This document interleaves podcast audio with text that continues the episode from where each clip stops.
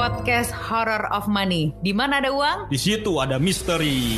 Halo sobat horny horror of money. Di mana ada uang? Di situ ada misteri. Ketemu lagi sama kita berdua ada duo Susi, Siska dan Surya. Surya dulu dong baru Siska Oh iya, deh, kan bener. Susi. Jadi Surya. Sisu dong. Oh iya ya nggak boleh ya. Hmm, Surya nggak sama boleh. Siska. Nah kali ini kita ketemu lagi di episode ini kita bakal ngomongin apa ya di suasana Jakarta yang lagi cerah banget kayak begini. Tapi kalau orang pas lagi dengernya pas lagi hujan gimana ntar? apa? Oh iya, nggak kita ngasih tahu aja keadaan iya. sekarang kita lagi seperti ini Oke, gitu oke, ya. Nah kalau misalnya kita ngomongin tentang investasi, Sur, lu ada investasi nggak sih buat masa depan? Eh, ada sih investasi gue jakat setiap Idul Oh lu jakat buat investasi kurang ajar. investasi akhirat. akhirat betul betul tapi itu investasi Iya, iya, akhirat. iya, iya. Nah, Sur dari berita yang sekarang ini lagi beredar nih, Hmm. ada satu cerita tentang uh, atlet e-sport yang bernama Winda De Lunardi atau dikenal Winda Earl. Wow, dia dari tim mana itu si Winda Earl nih? I don't know. Oh, dia Aku- Evos Ladies, Evos Ladies. Gue yang nanya, gue yang jawab. Apa sih apa sih nggak ngerti gua. Gue juga gak ngerti sebenarnya. Gue baru ngerti pas lagi rame kasus dia aja. Baru, Oke. oh dia ada tim ini gitu. Oh ternyata ada tim-tim gitu. Iya. Jadi dia itu melaporkan kasus rape-nya uang tabungan senilai 22,870 miliar rupiah. Wow, Gede banget. nggak pernah gue megang uang itu. Kalau nulis segitu sih itu masih kecil lah. Gue Ya. triliunan lah kalau nulis berita. Iya, kalau nulis doang kan kita Iya, kan. Cuman kalau megang gue belum pernah sih. Nah, tabungan ini disimpan di salah satu bank gitu Hmm. ya. Nah, ternyata ini tuh kayak hilang gitu aja. Oh, Coba. Tapi ada tuyul nggak? nggak kalau nggak ngerti kalau zaman dulu ya. Hmm. Janjian ada babi ngepet. Iya, harusnya sih uangnya disimpan di yang ada besi-besinya gitu. Jadi tuyul tuh nggak bisa masuk. 22 miliar, Sur. Dimakan rayap ya.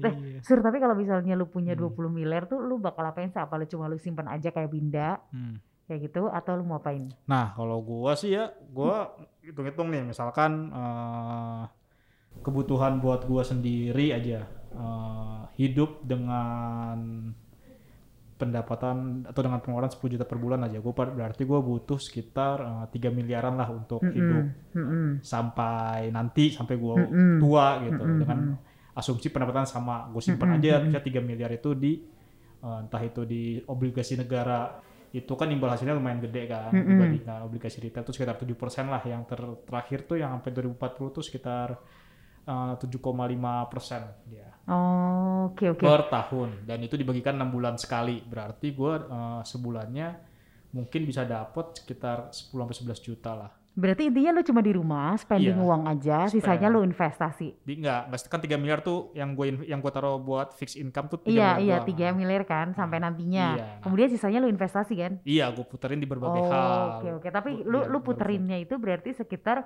eh 17. 17 itu berarti 20-an persen ya kira-kira? Hmm, oh, 3 M 20 persen ya? Eh sekitar iya ya. Tiga bagi dua dua. 3 bagi 17. Enam. Ya segitulah ya. Iya, Gue juga oh, nggak ada segitu.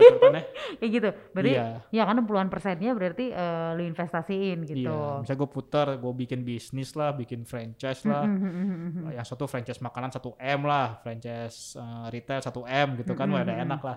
Eh, terus gue taruh di saham. Oh, oh, oh. Nggak mau taruh deposito ya, takutnya ntar kayak... Tapi enggak, enggak, enggak. Kita tetap harus misal eh, kita harus trust sama bank. Yang penting kita Iya. milih banknya yang bener aja. Mungkin juga harus kita cek-cek juga kali Iya. ya transaksinya. Jadi kita aware juga sama harta yang kita pegang kayak Hmm. gitu. Kalau gue sih gue beliin tanah. Wah, Gitu. iya, Gue kan mama ya. iya. Jadi beli tanah misalnya di mana terus gue ngebangun ruko gue sewain. Jadi gue ada uang berjalan juga gitu. Hmm, Kayak semuanya gitu. di- ya dibuat enggak beli tanah. Oh, lah. Buat ya jalan-jalan bentar lah nggak apa-apa lah sur. Nah, kita mau foya-foya ini berapa miliar tuh? Foya-foyanya gue pakai satu. Satu Gue miliar. buka itu minimarket. Nah, Nah buka minimarket. Terus apa ya? Gue di rumah aja dah bertani. Asik. Enak banget gak tuh? di rumah berarti nggak di Jakarta dong kalau bertani ya? Kalau di Iya, Jakarta nggak mungkin. Iya nggak nggak usah lah di Jakarta. Iya. Jajannya mahal kan? Nah, kalau misalkan tadi kan kita ngomongin investasi ya. Nah, kalau foya-foya lu mau ke mana sih? Mau ngapain? Misalkan dengan uh, dari alokasi 20 M, Mm-mm. berapa M yang lu mau foya-foyain itu mau buat lu apain foya-foyanya? Gue tuh kalau misalnya kayak traveling gitu nggak terlalu ini sih. Hmm. Jadi better gue tuh kayak misalnya kalau jalan-jalan pun paling jalan-jalan keluarga. Yang penting tempatnya adem aja udah gitu aja. Oh. Ma- Maksudnya nggak perlu kayak ke luar negeri gitu. Gue tuh mikirnya keluar banyak lagi ntar. Hmm. Pelit. Kalau di parkiran itu juga udah adem berarti bisa berarti. Enggak dong. itu di kantin. Iya. Nah, itu eh, beberapa kisah itu mungkin buat kita ya. Tapi Hmm. buat si Winda ini 20 M-nya itu dianggurin aja berarti di bank. Dia nggak Hmm. nggak nggak diapa-apain gitu kan ya ceritanya Iya, ya. iya ceritanya. Kemudian tiba-tiba ibunya mau ngambil duit, eh tiba-tiba nggak ada. tinggal 17 juta cuy dari Mm-mm. 20 eh kalau ibunya 5 M di tinggal 17 Mm-mm. juta si Winda dari 15 M jadi 600 ribu Makanya ya, kalau kita mau ngambil ATM mau ke pasar 50 ribu aja, Iya. kok nggak ada, emang habis. habis kalau dia mikirnya punya 15 M tiga berarti tinggal 600 ribu Mm-mm. lumayan juga nyesek sih Iya, tapi kalau boleh tahu nih sebenarnya pendapatan dari atlet tuh kira-kira berapa sih? nah kalau kemarin tuh kan gue sempet tuh bikin konten di bisnis muda ya yang berapa sih pendapatan atlet e-sport gitu Mm-mm. Nah kita udah ngobrol-ngobrol nih sama salah satu atlet eh, e-sportnya. Kalau dia cerita sih sebenarnya pendapatan atlet e-sport nih nggak semuanya gede. Mm-mm. Itu yang yang pasti atlet e-sport yang gaji gede adalah dia yang berprestasi dan yang kualitasnya yahut lah. Mm-mm. Itu bisa sampai ratusan juta digaji sama tim. Itu gajinya doang, belum dari menang turnamen, belum dari endorsement gitu. Lumayan Bisa dari ya. puluhan sampai ratusan juta. Ah. Malah banyak yang endorsement kan banyak yang Nah iya. cantik-cantik gitu kan. Terus ada live juga, mereka bikin main main gamenya live. Terus mereka bisa dapat gift misalnya dia live-nya di Bigo nanti dapat gift-gift gitu gift itu bisa ditukar jadi dolar Oh gitu iya jadi ternyata. uang. nah dari situ Oke oke berarti sebenarnya kalau misalnya menjadi atlet pun ketika bisa manage pendapatannya ketika dia masih berjaya Hmm. itu tuh eh, bisa saving banyak juga gitu. nah tapi masalahnya atlet e-sport ini cuman eh, umur umur kemasan cuma 8 tahun Maksudnya 6, 8 tahun tuh gimana tuh? jadi kalau misal dari riset eh, sebuah sumber yang kita waktu itu dapat Mm-mm. eh, masa kemasan atlet e-sport itu cuma dari umur 17 sampai 25 tahun setelah itu ya udah gitu ini kalau dibandingin sama sepak bola jelas Mm-mm. jauh lebih pendek banget Oh iya. Kalau sepak, sepak bola, tuh bisa sampai dari 20 tahun sampai umur 32 tahun tuh udah masih emas. Oh masih emas ya. Terus Iya. berikutnya bisa menjadi pelatih misalnya gitu kan Hmm. ya. Kalau e-sport ini mungkin Sama di- jadi pelatih sama juga. jadi pelatih jadi juga pelatih, ya. jadi anggota manajemen Hmm, gitu. hmm, hmm, hmm, hmm. Gitu sih. Hmm, Oke oke oke. Ya, dan tapi atlet e-sport pun ada resikonya juga nih. Apa tuh? Ya kan kita main nih Mm-mm. pasti bisa cedera. Jangan berpikir gara-gara kita main cuma di depan komputer atau cuma pakai HP nggak akan cedera. Emang Justru- cederanya apa? Cedera tangan kesemutan cuy, apa tremor, tremor. Gue pikir kenapa? Tapi bener loh, maksudnya eh, ini masalah masalahnya agak serius kalau misalnya udah dia udah tremor atau syaraf itu Oh, berarti dia nggak bisa optimal mainnya hmm, kar- dan bakal susah menang. karena kan dia aktif ya menggunakan Iya. tangannya kan. Ah, Ibaratnya dia kayak eh, apa pemain musisi pianis gitu Hmm. lah ya, tangannya yang sangat berharga itu gitu. sampai misalnya ada cedera jari aja, wah udah susah mainnya kan, bahkan bisa mungkin absen dulu untuk bermain. Berarti kalau misalnya menjadi atlet e-sport itu mulainya umur berapa tadi? Kalau yang masa kemasan 17 sampai 25 tahun sih. Oh, tapi Dengan asumsi dia update sama game-game terbaru karena maka- Mm, mm, kenapa mm, makanya dia dianggap itu masa kemasannya. tapi yang anak-anak juga ada kan Ada sekarang kan. anak-anak. Wow. Apa anak lu cita-cita jadi atlet e-sport gitu gak sih? Oh enggak, dia katanya pengen jadi karyawan swasta aja. Sungguh sangat mulia. Pasti gajinya banyak banget. Kalau jadi PNS eh, gimana ya? itu cita-cita lu dulu. Enggak sih, gue Oh, nggak pernah, enggak. gue nggak pernah mau jadi PNS. Oh iya iya iya iya iya. Lu oke. pernah pengen jadi PNS? Eh mungkin orang tua kali ya, kayak gitu. Biasa kan kita orang Iya, tua iya. gitu kan selalu kepengen. Oke deh kalau gitu. Itu eh, berarti sekarang kalau kita melihat gitu ya jenis-jenis pekerjaan tuh udah mulai beragam. Hmm. Pendapatan pun maksudnya kayak eh kalau dulu kan kita ngelihat olahraga permainan tuh kayak misalnya catur Hmm. gitu-gitu, bridge. Sekarang udah mulai ke e-sport bahkan Hmm. pendapatannya udah bagus menjanjikan. Cuma kalau misalnya ujung-ujungnya uangnya pun tiba-tiba raib seperti ini, Hmm. itu juga agak mengkhawatirkan sih. Ya, tapi ini yang kasus ini mah uang bapaknya sih. Oh iya deh, uang bapak- uang bapaknya Uang ya. bapaknya sih. Duit dia sendiri berapa ya? Nah itu gue nggak tahu. Eh, tapi kalau misalnya di keluarga, lu sistem yang suka campur mencampur keuangan gitu nggak sih? Kalau ini kan uang bapaknya di anaknya gitu. kalau gue sih, karena anak gue juga masih bayi ya. Mm-mm.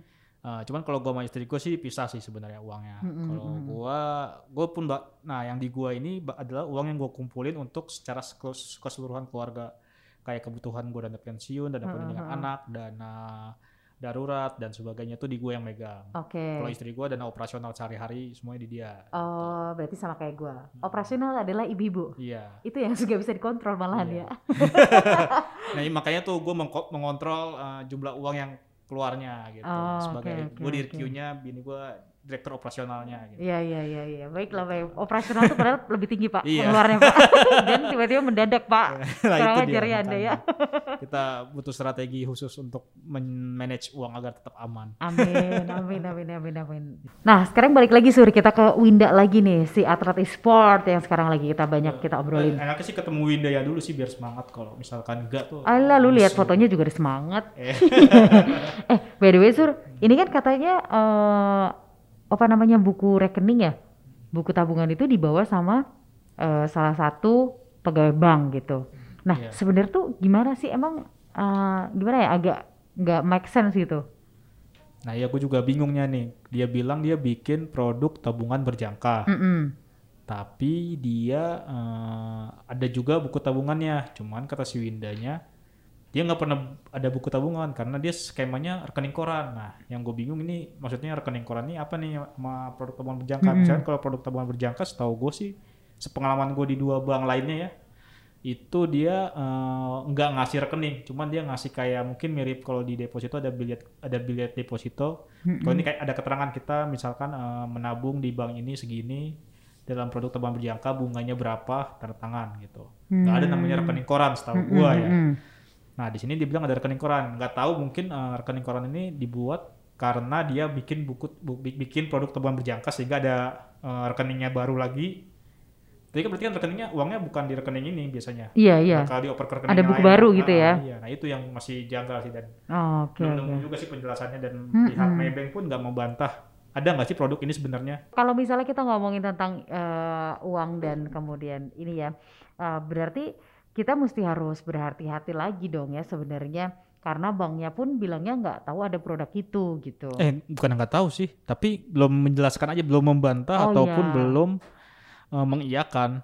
Nah, berarti ini tuh sekarang memang sedang dalam proses penyelidikan. Iya. Terus proses apa ya pengusutan gitu lah ya. Iya. Nanti mungkin akan ada update. Jadi emang yang kita omongin sekarang ini adalah update per eh, bulan eh, apa minggu pertama November gitu. Iya, Nanti pasti akan ada update ya lagi. Kira-kira apa sebenarnya ini tuh?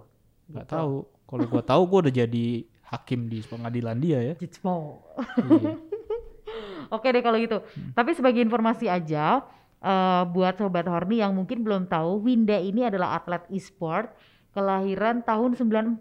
Wah, se- Iya. seumuran sama kita ya. Seumuran sama bini gua tapi. Oh gitu.